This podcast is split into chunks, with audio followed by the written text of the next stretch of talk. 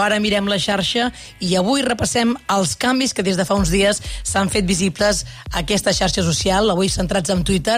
Per què apareix, Sílvia, un gos en lloc del logotip de Twitter? Doncs les últimes hores tothom ho comenta i comparteix captures de pantalla a Musk ha fet substituir en la versió web de Twitter l'habitual logotip de l'ocell blau pel dibuix d'un gos. I no és un gos qualsevol, és un gos de la raça japonesa Shiba Inu. S'ha convertit fa anys en un popular meme a internet a partir del qual s'ha creat una criptomoneda, el Dogecoin. Es dona el cas que Elon Musk està molt relacionat amb aquesta criptomoneda. N'ha parlat en diverses ocasions els últims anys i ha contribuït en part al fet que Dogecoin s'hagi sobrevalorat, cosa que li ha valgut una demanda.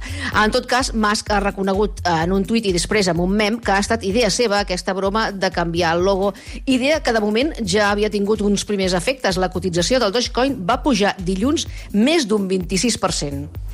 Però, de fet, el valor del Twitter el que fa és reduir-se a la meitat, no? Sí, exacte. Musk el va comprar per 44.000 milions i ara en val 20.000. El mateix Musk ha deixat de ser l'home més ric del món, però no patiu perquè ara, segons l'última llista de Forbes publicada ahir, és el segon, amb un valor net de 180.000 milions de dòlars, darrere del magnat francès Bernard Arnault. El seu nou pla de negoci passa pel Twitter Blue, Sí, la seva fórmula per aixugar pèrdues era fer acomiadaments massius, que ja n'ha fet, i recaptar diners amb Twitter Blue.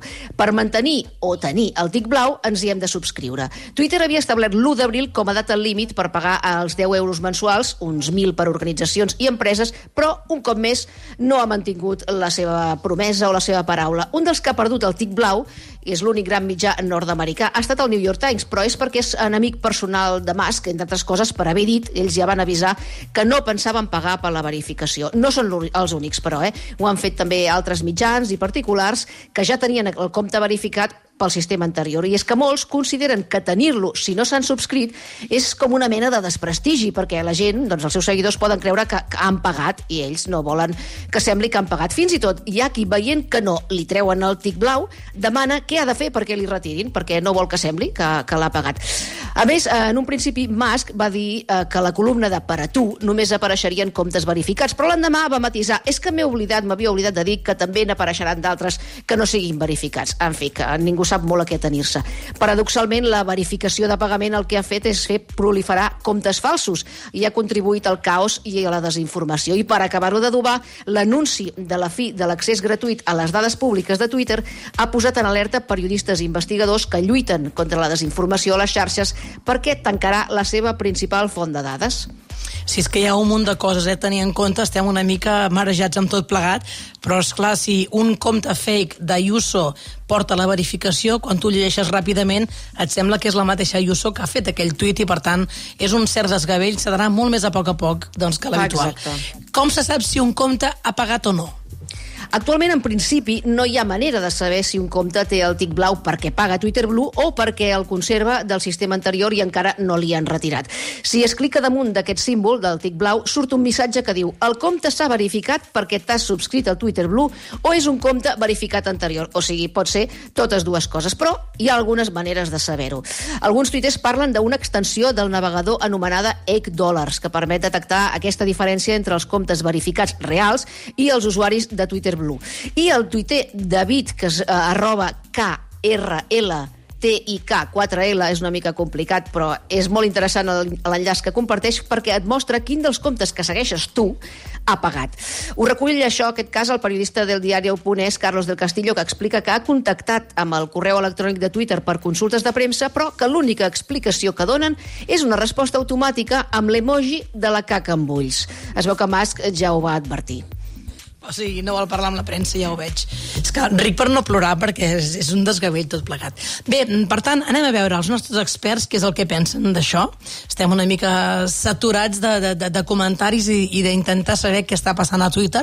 Per tant, m'agradaria saber l'opinió del nostre col·laborador, el periodista director Roc Massaguer, Outconsumer. Ell pensa pagar, vol que li treguin la verificació. Aquesta és l'opinió de Roc Massaguer. Hola, Mariola, què tal? No sabem molt bé què passarà amb les insígnies de verificat, que havien de desaparèixer teòricament l'1 d'abril, menys per a aquelles persones que paguessin Twitter Blue.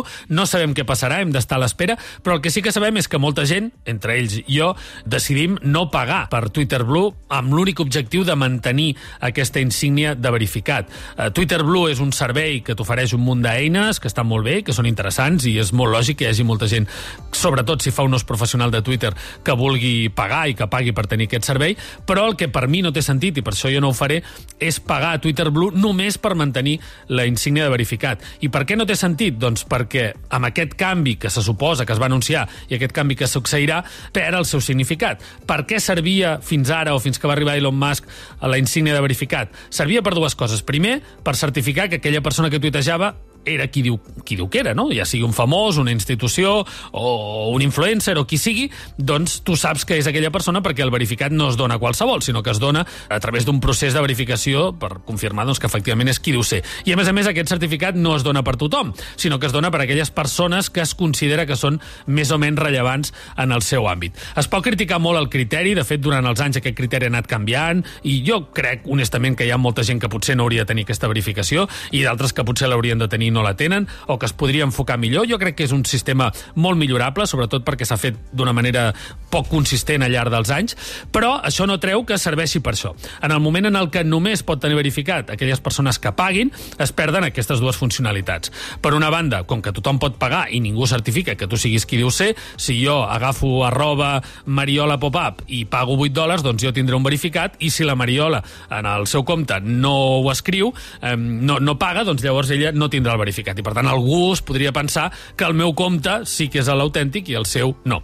I per altra banda, com que tampoc eh, hi haurà un criteri sobre qui ho pot tenir i qui no, ja no ens servirà com una petita referència. No és que la gent que estigui verificada sigui més important el que diu o no diguin mentides o ens ho haguem de creure, però sí que una mica t'orienta per saber, sobretot si entres en un àmbit que no coneixes, eh, sobre si aquella persona és rellevant o no. Aquestes dues coses ja no funcionen eh, o només funcionen a través de pagament i com que molta gent creu que no té sentit pagar per comprar una cosa que ja no té el sentit que tenia abans, doncs eh, suposo que molts no ho faran. Eh, molts han anunciat que no ho faran, el LeBron James, per exemple, el New York Times, per exemple, i jo, per exemple, no perquè jo estigui al seu nivell, però entenc que molta altra gent també ho farà. Per tant, veurem què succeeix, veurem què passa. Jo crec que en general, espero que no, espero equivocar-me, però en general l'experiència a Twitter serà pitjor perquè haurem de fer passos extras per quan veiem un retuit o una piulada d'algú que no seguim, saber si aquella persona és qui diu ser, si val la pena que ens parem a escoltar què diu, eh, perquè perquè, diguem, el context li aporta certa eh, presència o certa importància